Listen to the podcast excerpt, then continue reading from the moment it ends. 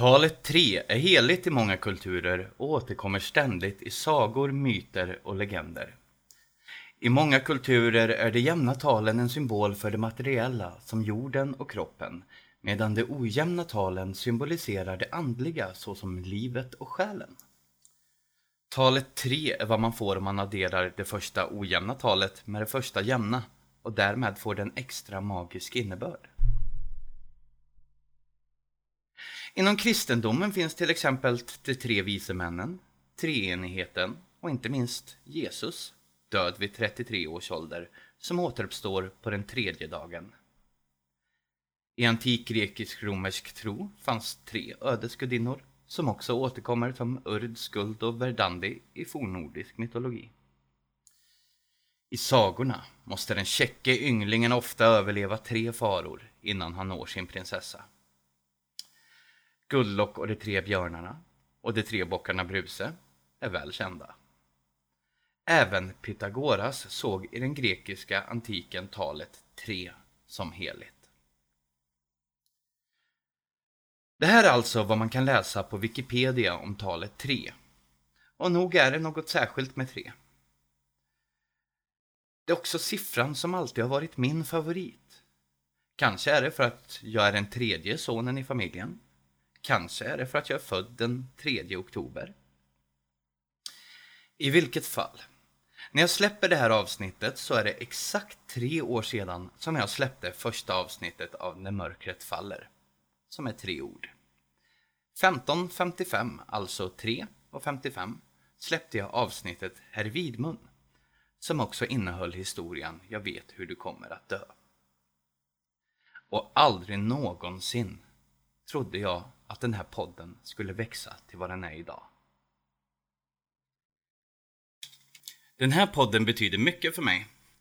Och för många andra verkar den också betyda mycket, då vi har runt 1000 till 2000 lyssnare varje avsnitt. Det är kanske inte mycket för en podd, men för oss är det verkligen mycket. Det är ett bevis på att det jag och Mikaela gör är någonting som folk verkar gilla. Alla gånger håller inte ljudkvaliteten och fast jag är ganska duktig på det då jag har hållit på med musik i 20 år så är inspelning av tal ändå en helt annan sak än inspelning av musik. Även mixning där och jag gör mitt bästa. Ibland går det och ibland går det inte. Med familj och barn så är det också en sak som brukar komma i kläm och jag försöker verkligen komma över lite tid för att alltid göra det. Men det är inte alltid det görs i tid eller med den omtanke den förtjänar. Men jag försöker. Det är inte vad jag tänkte prata om i detta bonusavsnitt. Även om jag brukar låta Mikaela sköta skrivandet med undantag för två historier jag skrivit själv och de jag fått låna från Reddit och liknande i början av denna poddstart så har jag låtit själva skrivandet just skötas av Mikaela. Men idag känner jag att eftersom podden är på dagen tre år så vill jag berätta för er om mig. Varför jag gör det här och vad jag upplevt i mitt liv som får mig att verkligen fascineras av det. Först hade jag tänkt ett avsnitt med en live-video och liknande men det kan vi nog spara till avsnitt 100. Och ni som inte vill veta om mig, som tycker att det är en del av mystiken, ni behöver inte lyssna på det här avsnittet. Men det får bära eller brista, för här är min historia.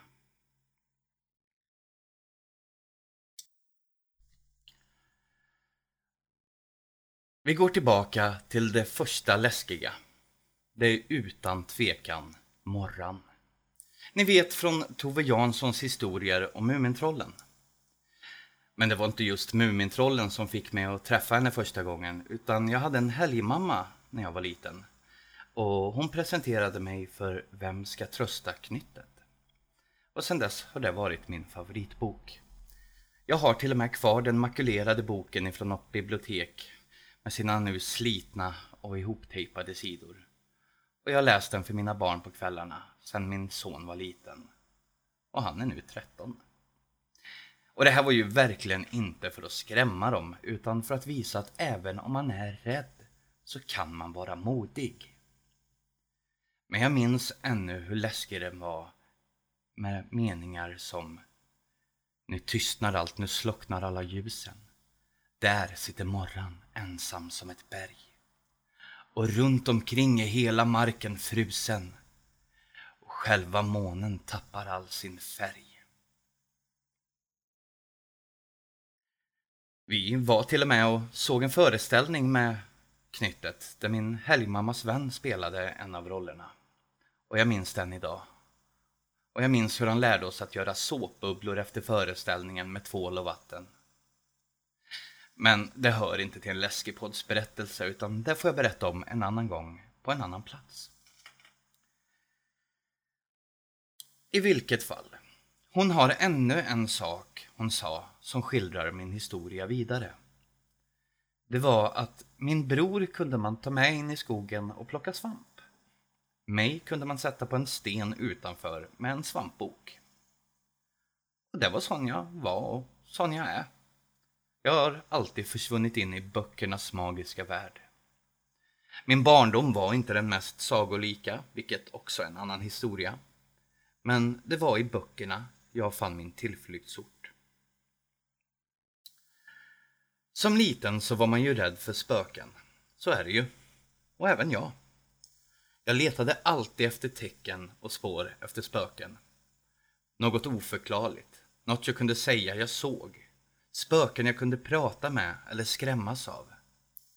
Men förutom min vilda fantasi så var de aldrig där. Eller, ja, jag såg dem inte. Mina bröders vänner och jag, mina vänner som var de samma, berättade spökhistorier för varandra. Bland annat den om några barn som rådde ut på en ö och hittade en bok i ett hus. En bok som var tom och när de bläddrade till sista bladet så stod det BA! Ja, ni förstår. Sånt som barn gör. Mitt nästa möte med skräck var Kalla kårar-böckerna. Alla dessa historier, skrämmande och läskiga, som gav en just kalla kårar. Man satt och lusläste dem och letade alltid efter en man aldrig läst. Jag har faktiskt några kvar, eller ja, som jag plockat upp efter vägen i mitt liv, just för minnenas skull. Men ännu i historien så har ingenting hänt mig. Ingenting läskigt på riktigt. Det verkliga var nog läskigt i mitt liv. Sen kom filmerna. Freddy Krueger, Candyman, Flugan, Kujo. De där läskiga som ändå inte var verkliga. Filmer från böcker som jag redan läst eller sedan läste. Stephen King var ju givetvis nummer ett. Men allt detta, det är ju fiktivt. Eller Ja, kanske inte. Det sägs att Stephen King sover med lamporna tända. Men ja, de fanns ju inte i min värld mer än i böcker och film. Några riktiga spöken fanns ju inte. Nu på äldre dagar kan jag säga att John Ajvide Lindqvist är min favoritförfattare. Och Creepypodden är min stora inspiration i allt det här. Jag hade inte tvekat en sekund på om Jack Werner eller Ludde dök upp och ville läsa in en historia i den här podden. Jag skulle nog aldrig våga fråga dem dock, hur självsäker jag än är.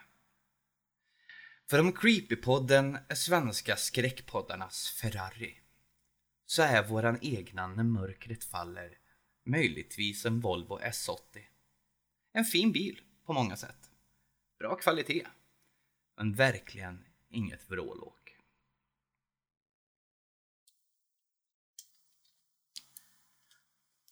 Och för att ni ska förstå vidare i min historia, som nog inte är så särskilt läskig än, så måste jag ändå berätta. Från att jag var 13 har jag bott till och från i fosterhem. Det har växlat mellan att flytta hem till min mamma, till jourhem, till fosterhem, till hem till mamma, till jourhem, ja, och så vidare. Det är en annan historia, men jag... Vi går fram tills att jag är 17. Vi tar det därifrån nu. För det, det är där allting började.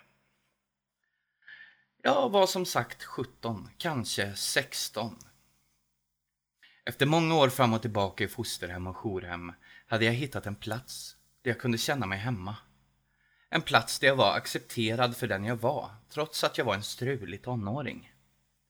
Ja, inte en sån som tog droger och slogs, men visst hände det att man kunde dricka en del och röka i fönstret på övervåningen i rummet jag hade fast vi inte fick. Och sådana saker.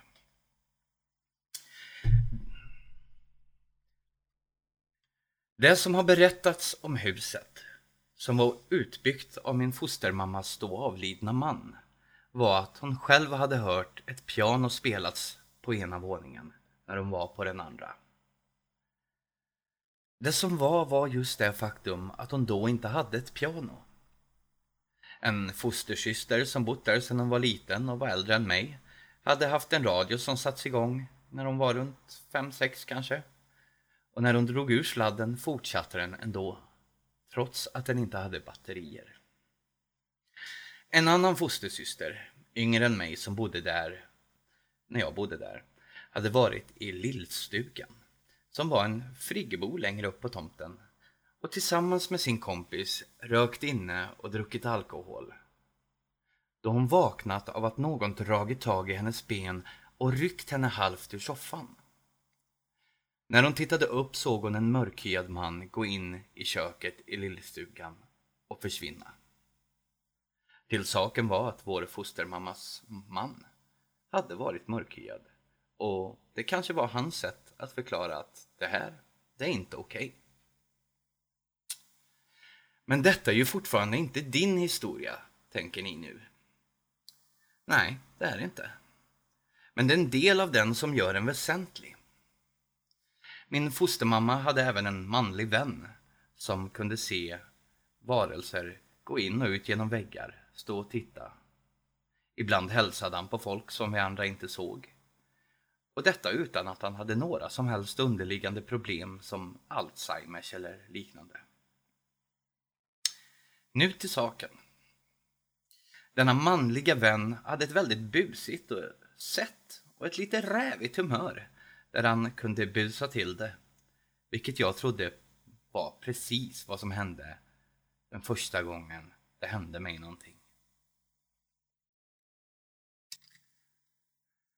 Jag satt nämligen i mitt rum på övervåningen. Klockan kan ha varit 10-11 på kvällen och jag hade lagt mig för att sova för en gångs skull utan det entourage av vänner jag konstant hade där. Plötsligt hörde jag hur någon bankade hårt på ytterdörren precis nedanför trappan. Riktigt hårt.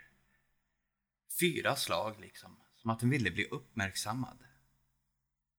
Jag pausade musiken jag hade på och lyssnade igen. Öppnade min dörr på glänt och lyssnade. Fyra hårda slag igen. Helt klart. Från utsidan. Det som hörde till saken var att ingen någonsin använde den dörren. Visst, det var den stora entrédörren i huset, men ja, användes den var det för att bära in stora saker och liknande. Utöver det användes alltid köksdörren. Jag var livrädd. Jag visste att min fostermamma sov. Det gjorde hon alltid så här dags och hennes manliga vän som sov där hade tagit sömntabletter. Så det kunde knappast vara han som var ute och busade med mig. Jag drog på tvn på hög volym, musik, tände alla lampor, stängde dörren och låg i flera timmar och kunde inte sova, ihopkrupen i min säng. Dagen efter frågade jag dem om det var de som hade stått och bankat på dörren, vilket de nekade till. Man kunde alltid se på han herrens min om han hade gjort något rävigt. Men han såg mer förvånad ut när jag frågade innan han till slut smälte det och blev obrydd medan han sa Ja, så kan det ju vara i det här huset. Jag öppnade även den stora ytterdörren och inga som helst fotspår syntes i snön. Och det hade inte snöat, för man kunde se alla fotspår på gården upp till köksdörren. Många år senare fanns det en flicka på två, tre år som alltid lekte med sina så kallade vänner i finrummet. Vänner som inte syntes. Visst, barn kan ha låtsasvänner, men när de tyckte att de började bli elaka så var det lite klurigt. Hon hade dessutom en liten flicka som kompis som brukade vara i vardagsrummet och som hade vingar. Och vi blev lite fundersamma. Vi frågade, är det såna där vingar som en fjäril? Men hon pekade på min hand och sa, nej, det var såna vingar. Änglavingar. Trots att hon på den tiden inte visste vad en ängel var. Jag har nämligen en tatuering på min ena hand med en sprayburk med just änglavingar. Hon kunde också vid tre, fyra års ålder åka med i bilen och peka på ett hus och säga Där brukade jag bada förr i tiden. Just förr i tiden. Och ingen hade någonsin sagt att den gamla byggnaden var ett gammalt badhus. Utan det såg ut som vilken gammal byggnad som helst i det kvarteret. Men hon visste. Låt oss sen gå vidare. Till min lägenhet jag hade i Edsvalla i Värmland. Värmland, ja. Det är där jag kommer ifrån och där jag bor. Det kunde ni kanske inte ana på min röst, men eh, det kan bero på att några år bodde jag i Södertälje och sedan jag var fem år gammal har jag haft en bonuspappa som kommer från Stockholm. Någon som jag såg upp till och därefter kom dialekten. Som inte är en dialekt. I alla fall, Edsvalla. Vi tar det dit. Jag bodde i en gammal lägenhet i ett hus med fyra lägenheter som tidigare hade varit en barnmorskemottagning fick jag reda på efteråt. Det var två lägenheter längs sidan och två på varsitt hörn. I det ena närmsta hörnet till vägen bodde jag.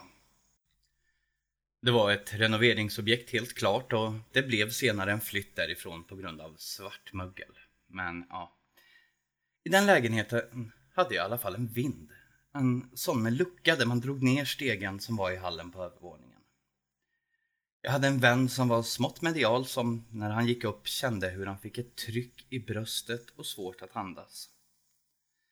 Jag tänker nu så här i efterhand att det kunde ju ha varit svartmöglet men samtidigt påfanns inget svartmögel där uppe utan det var i källaren av lägenheterna.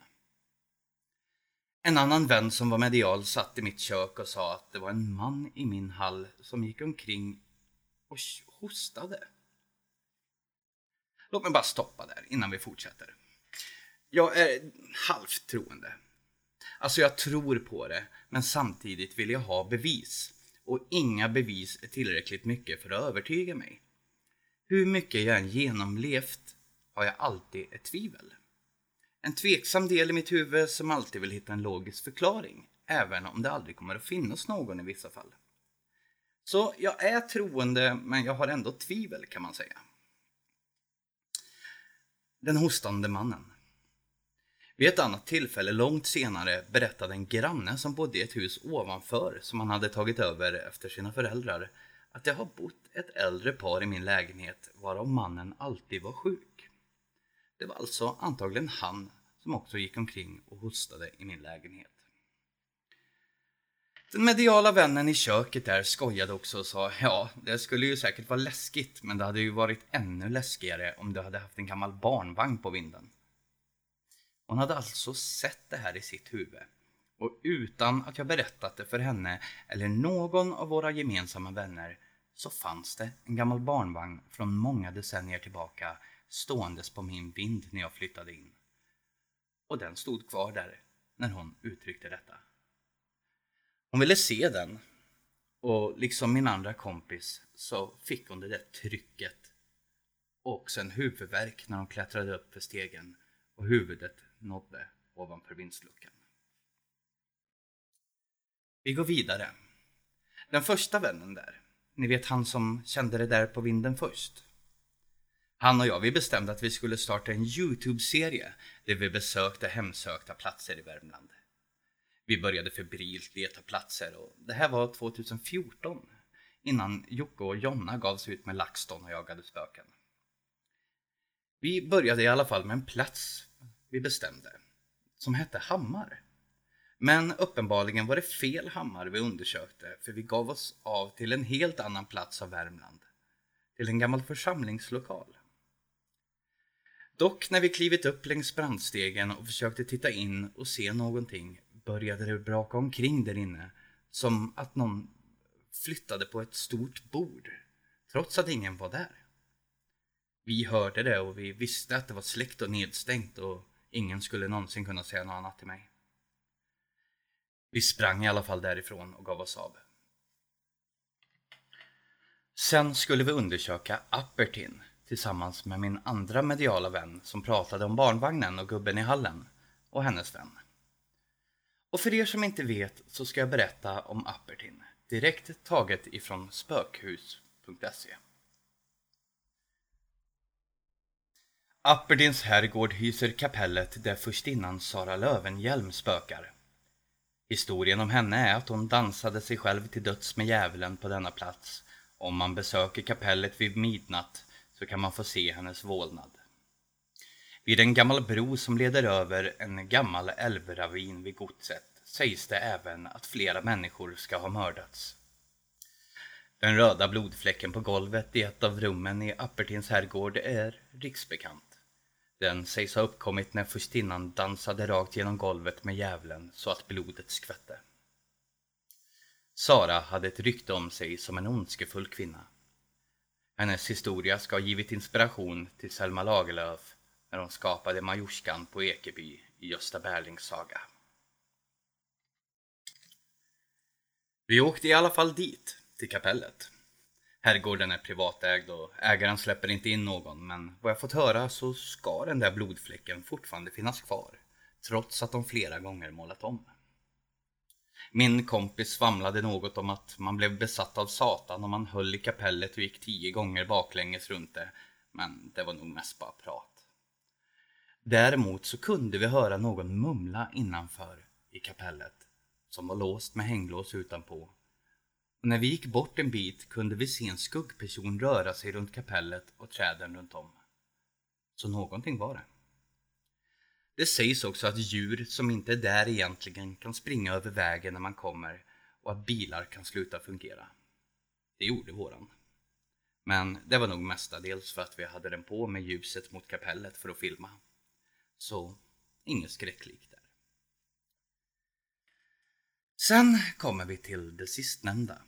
Jag tror inte att den behöver någon särskild presentation faktiskt. Utan jag och min vän åkte själva tillsammans för att övernatta i Skillingmark på, ja just det, Frammegården. Vi hade inte alls den fakta som fanns utan bara småbitar om folk som kommit hit för att dö förr i tiden och även om en kvinna som blivit våldtagen inför sin död av någon. Och att det skulle spöka. Vi visste inte om barnen eller demonerna i källaren. Det här var som sagt innan Frammegården blåade upp ordentligt till det rykte det har idag. Det första som hände var att jag fotade och på det fotot fanns en mansgestalt i fönstret av pigkammaren. Detta trots att detta var högt upp. När vi sen hade ställt upp en kamera i det första rummet till höger på övervåningen på Frammegården och sen gått ut så kunde man efter en lång stund höra ett knäppande. Som någon som knäppte med fingrarna precis framför kameran. När vi sen filmade kunde haspen till den lilla garderoben, där jag senare hört att barnen låstes in, gunga fram och tillbaka, fram och tillbaka, utan att faktiskt stanna. Detta har jag på film. Min vän klättrade upp på loftet i den lilla garderoben och kunde höra sig barnröster. Låt mig än en gång påminna om att vi hade inte den informationen om barnen då. Framåt natten, närmare tre, satt vi i det stora rummet med kaminen, eller brasan. Det var då vi gjorde ett stort misstag. Vi kunde höra någonting som knackade tre gånger på övervåningen. Vi fick för oss att ropa om det verkligen är någon här så knacka igen. Knackandet hördes återigen närmare övervåningens trappavsats. Det är klart att vi blev smått skrämda där, men vi hade verkligen inte gett oss. En sista gång ropade vi om det verkligen är någon här, knacka närmare.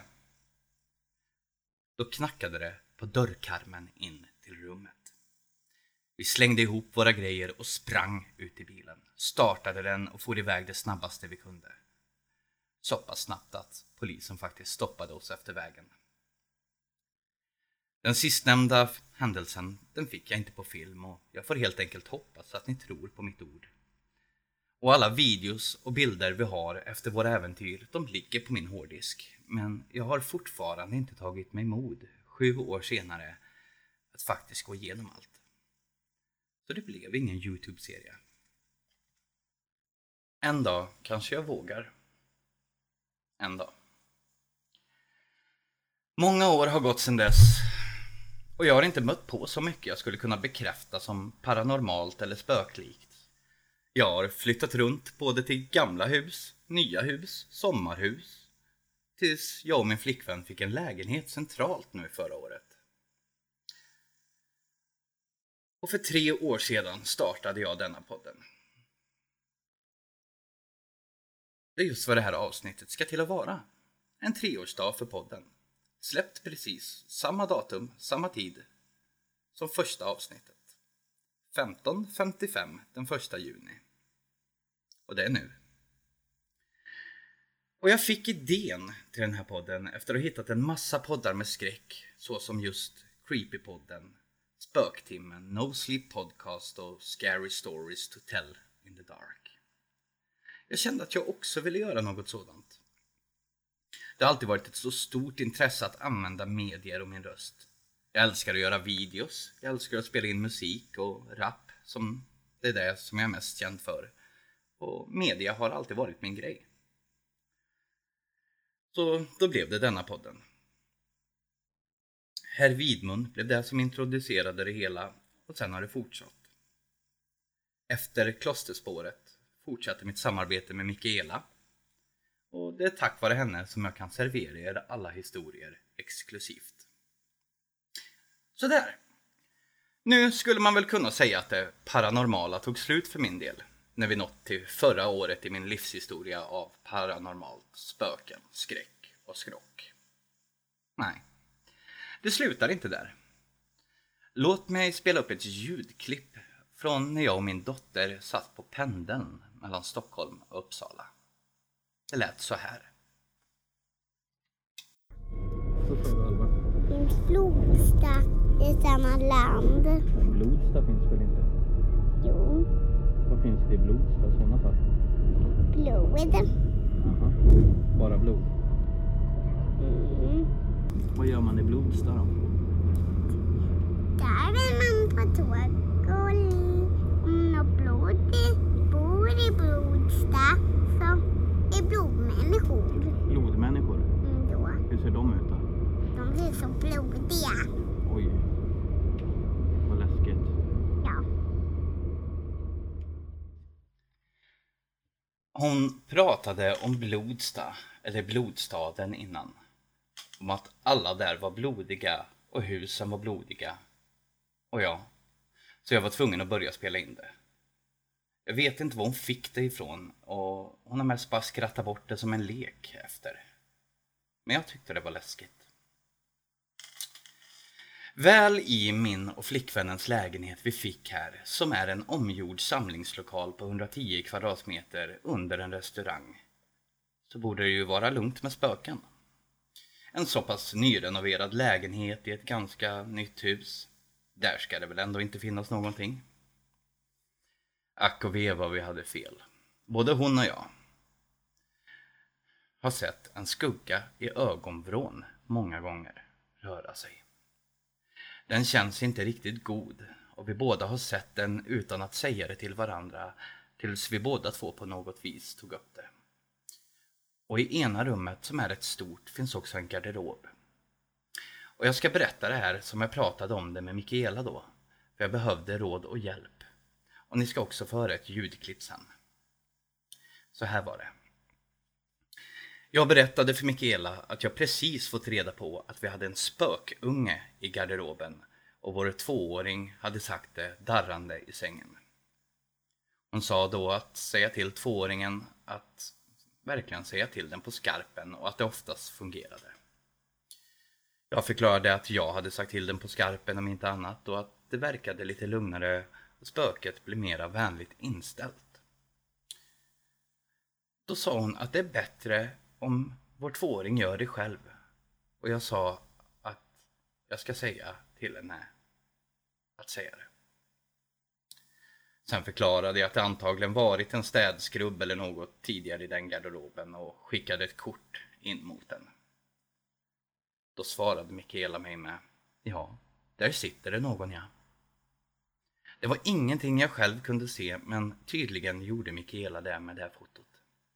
Min flickvän som inte har någon mörkerseende alls hade sagt att hon såg en färgskiftning när det var mörkt och dörren var lite mera stängd. Mikaela förklarade efter att jag skickat en till bild att på den övre bilden hade hon sett ett barn men inte på den andra. Det värsta var att tvååringen aldrig hört ordet unge och speciellt inte spökunge. Men ändå var det precis det hon kallade det och att vi skulle gå, för det hade spökungen sagt. Vi skulle springa därifrån.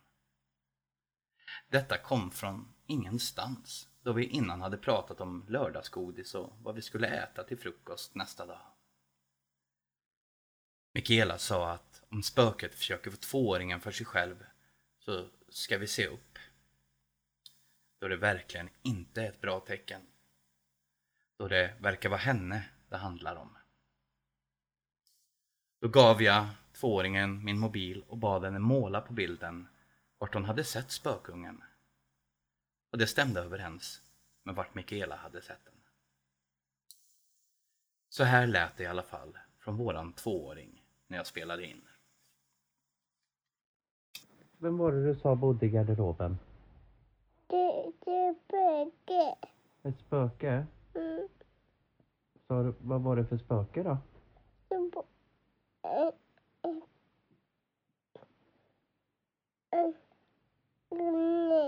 En- unge?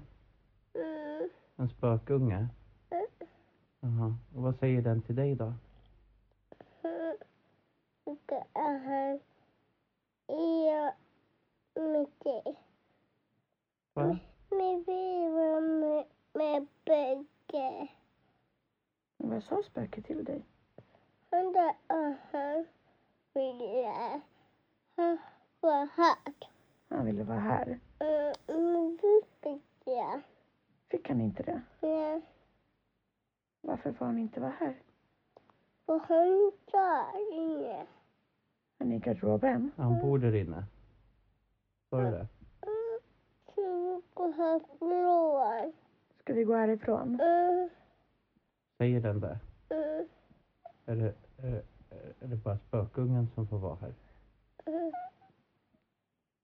Okej. Så- Är det någon mer spöken här? Bara spökungen? Är spökungen fin? Nej. Är den, sn- är den snäll? Nej. Det är läskigt. Är läskigt?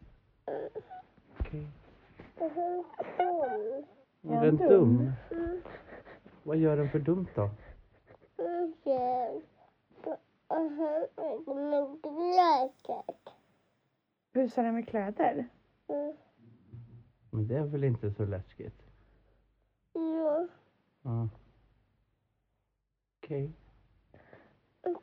Sånt. Är det dumt? Och Vad gör spöket mer för dumt då? sa aldrig glasset. Är spöket här nu? Mm. Hur ser spöket ut då? Han är läskig. Är det en hon? Mm. En han? Nej. Är det en flicka eller pojke? Nej. Inget? Mm. Att han. Ska vi försvinna härifrån? Mm. Säger den det nu? Mm. Okej. Jag behöver det nu.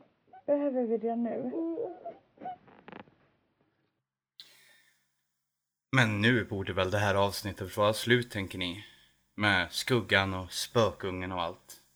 Och visst kan de prata om den ibland men det verkar som att den försvunnit. Det är ingenting hon är rädd för åtminstone. Kanske försvann den, kanske började hon ignorera den.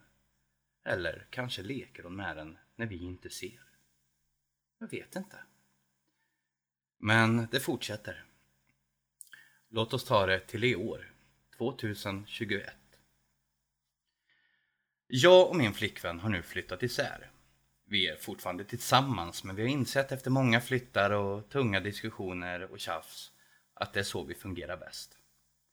Jag bor dock inte långt ifrån utan två och vi ses varje dag, både hon, jag och barnen. Min lägenhet är en trea som inte är renoverad särskilt, men jag var grymt lycklig över att få den här lägenheten. Men sen började saker hända. Det första som hände var att jag gick ut ur köket och låt mig berätta. Jag bor i en lägenhet där köket har två dörrar. En ute i hallen och en ute i vardagsrummet. Jag gick alltså ut ur köket till hallen när jag dammsög. Sen mot den större hallen och in i vardagsrummet. När jag kom in i vardagsrummet och sneglade in mot köket hade rullgardinen upp ner. Jag blev som stående och tittade på den. Det här är alltså en rullgardin som vi brukar få använda mindre våld för att få den att åka ner. Det är ingenting som bara släpper. Inte ens av vinddraget av en dammsugare.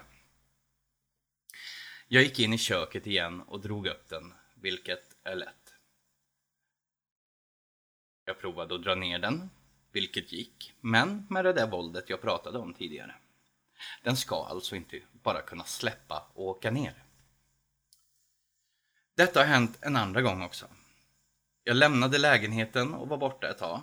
Kommer hem och rullgardinen har återigen åkt ner. Samma visa. Upp lätt, ner med våld. Kände, provade. Nej. Det är tekniskt omöjligt att den bara dras ner av sig själv.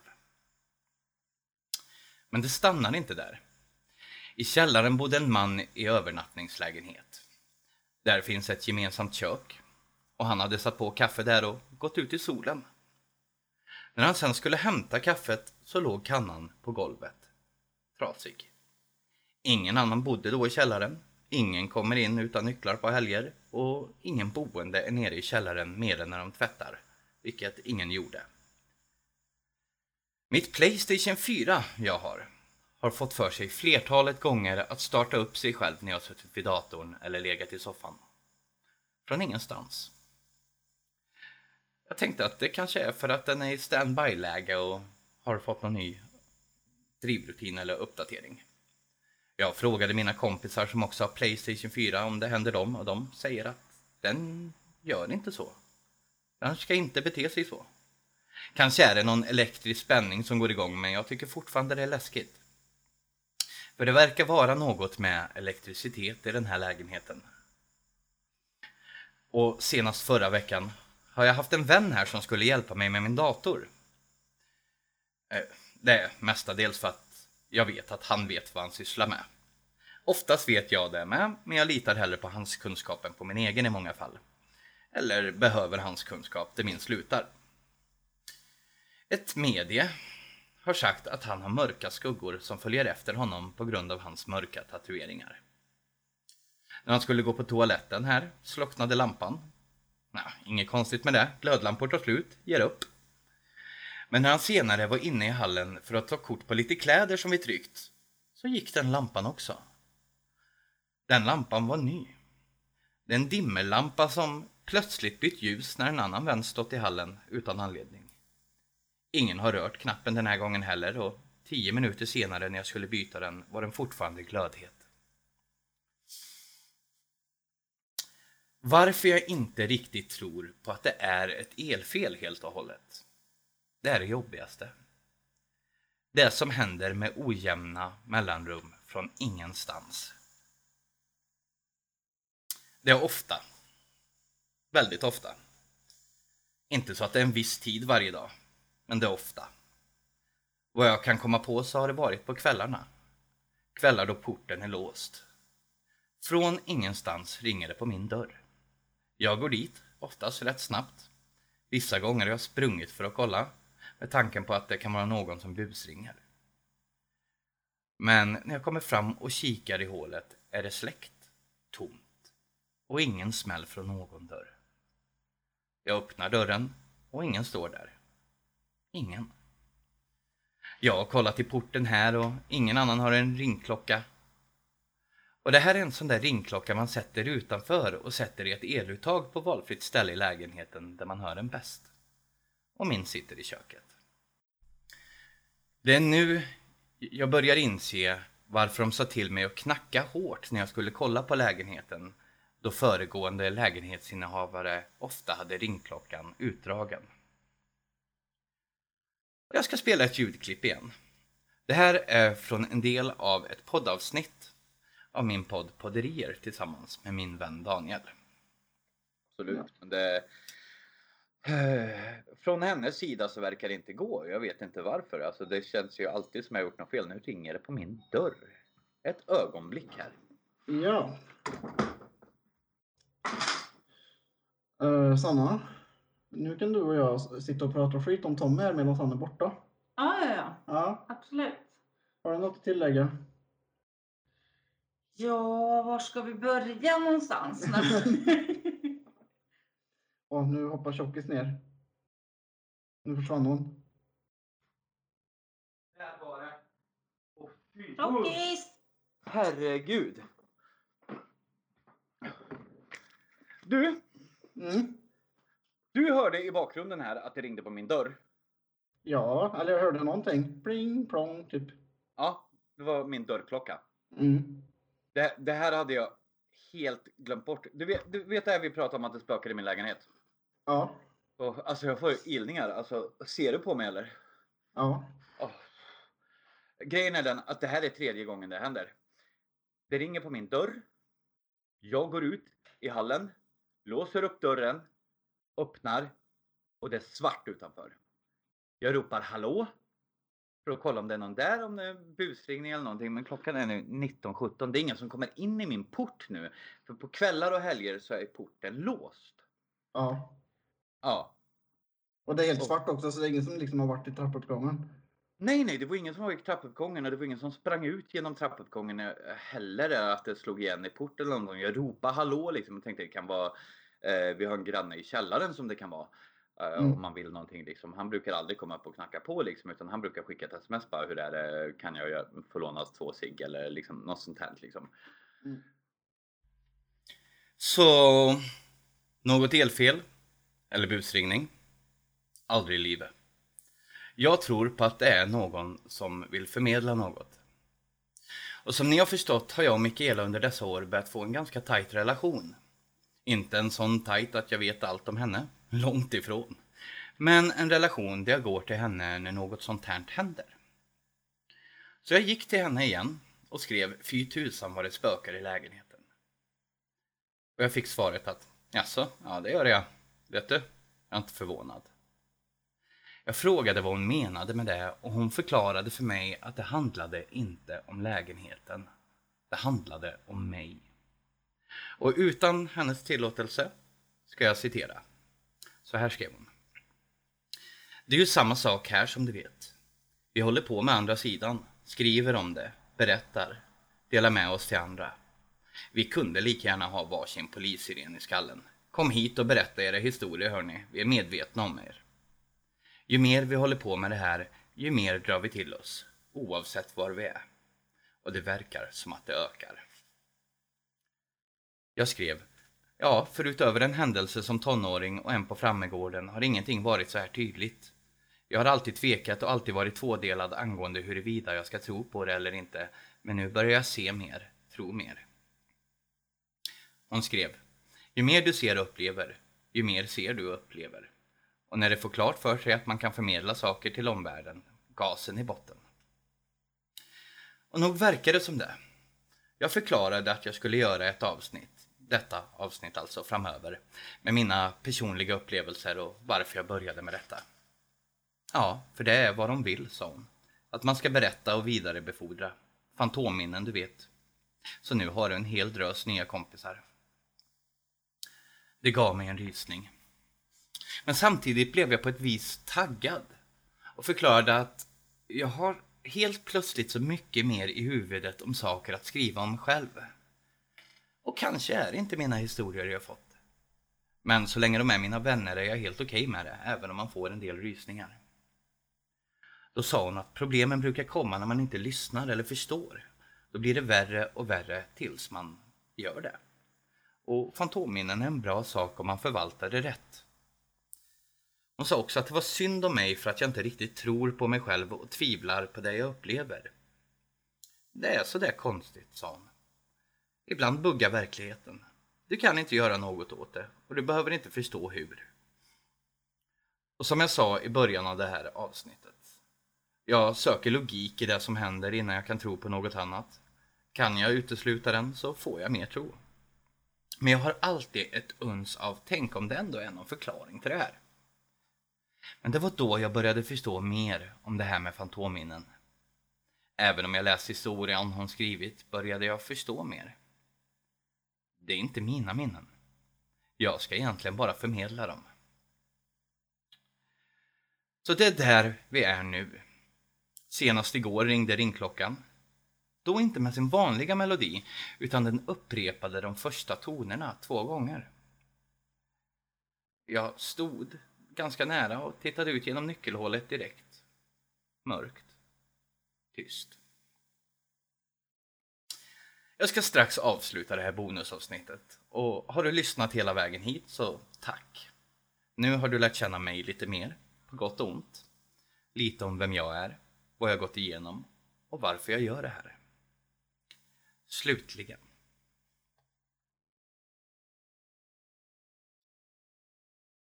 En sista sak. En sak som jag inte tänkt ta upp. En händelse jag tror att Mikaela kanske kommer banna mig för. Eller hylla. Jag vet inte. Jag har inte berättat det här för henne. Och jag kommer att vänta med nervositet och spänning på hur hon antingen hyllar eller avhyvlar mig. Men i vintras var jag hos en vän till mig. En vän som jag faktiskt ska ut på spökjakt med framöver. Jag kan berätta vart hon bor. Hon bor i ett radhus vid just Appertin. Och hennes hyresvärd är mannen som äger själva Appertins herrgård. Hon hade precis fått en bok om spiritualism skriven utav, ja, en man jag inte gillar särskilt. Jag behöver inte svartmåla någon, det är helt och hållet en personlig grej och en tveksamhet över människan i sig. Men jag bläddrade i boken i alla fall, drickandes kaffe och pratandes om allt som hände runt omkring där. Hur hennes sambo, han som pajade mina glödlampor, inte ens gick längs en väg där för att det var någonting som sa att han inte skulle gå där. Och han är inte särskilt troende.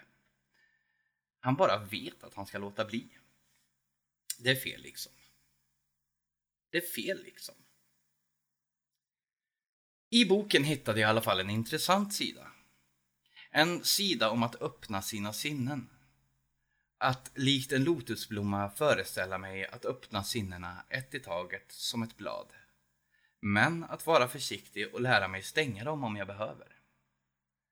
Jag satt där och blundade och föreställde mig hur jag öppnade de där lotusbladen. Ta in mer, känna mer.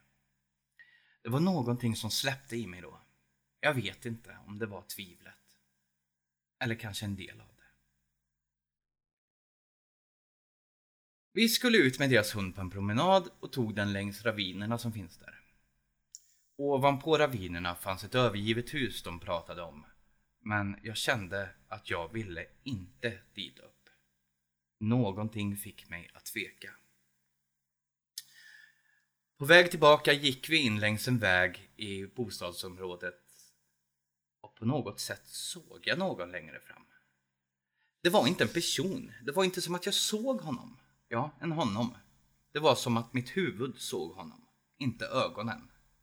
Det var som att jag visste att han var där. Som att det ändå var pixlat på ögonen. Som att hjärnan skapade det. Och han kändes inte som en trevlig varelse. Det här är så grymt svårt att förklara. Men det var just på den vägen han aldrig gick. Men nu gick han den i alla fall. Kanske för att han vågade med både sin sambo och mig med, eller kanske för att han ville visa att han var tuff nog att göra det ändå. I vilket fall som helst, längs den vägen var varelsen.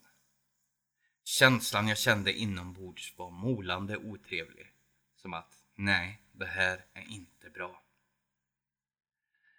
Jag försökte när vi kom tillbaka till dem att föreställa mig att stänga de där lotusbladen. Men det kändes mycket svårare än att öppna. Och jag kan inte svara på om jag lyckades. Jag försökte även när jag kom hem, men jag vet inte. Jag borde kanske läst på mer om saker innan jag provar dem. Men jag är alltid så otålig. Jag vill alltid göra saker först och lära mig sen. Kanske är det nyfikenhet, kanske är det min ADHD-diagnos. Och utöver allt detta så har man ju provat Ghost Radio på mobilen och sådana saker och skrämt upp sig själv. Gått in i övergivna byggnader och hoppats på att se något utan att lyckas. Men det här var i alla fall min historia. Tack för att du lyssnade. Nu ska jag gå och låsa min dörr och förhoppningsvis slippa höra ringklockan. Nu. När mörkret faller.